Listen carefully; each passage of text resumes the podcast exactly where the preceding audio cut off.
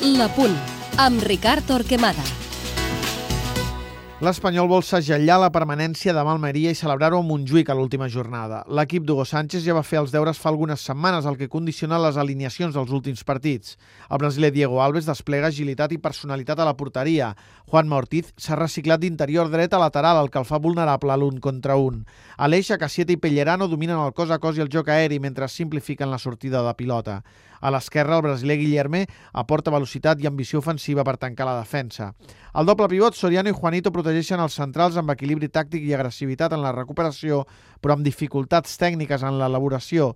A la dreta, Nieto ha trobat una escletxa per jugar els últims minuts del campionat, oferint profunditat, i a l'esquerra, Cruzat és pura explosió, tot i que li falta un punt de pausa per acabar amb precisió. Al davant, Piatti s'infiltra entre línies per lluir l'última passada, l'un contra un i una hàbil conducció per connectar amb els infinits recursos rematadors d'un dels millors davanters de la Lliga, Álvaro Negredo. L'Espanyol té una bona oportunitat contra un equip relaxat.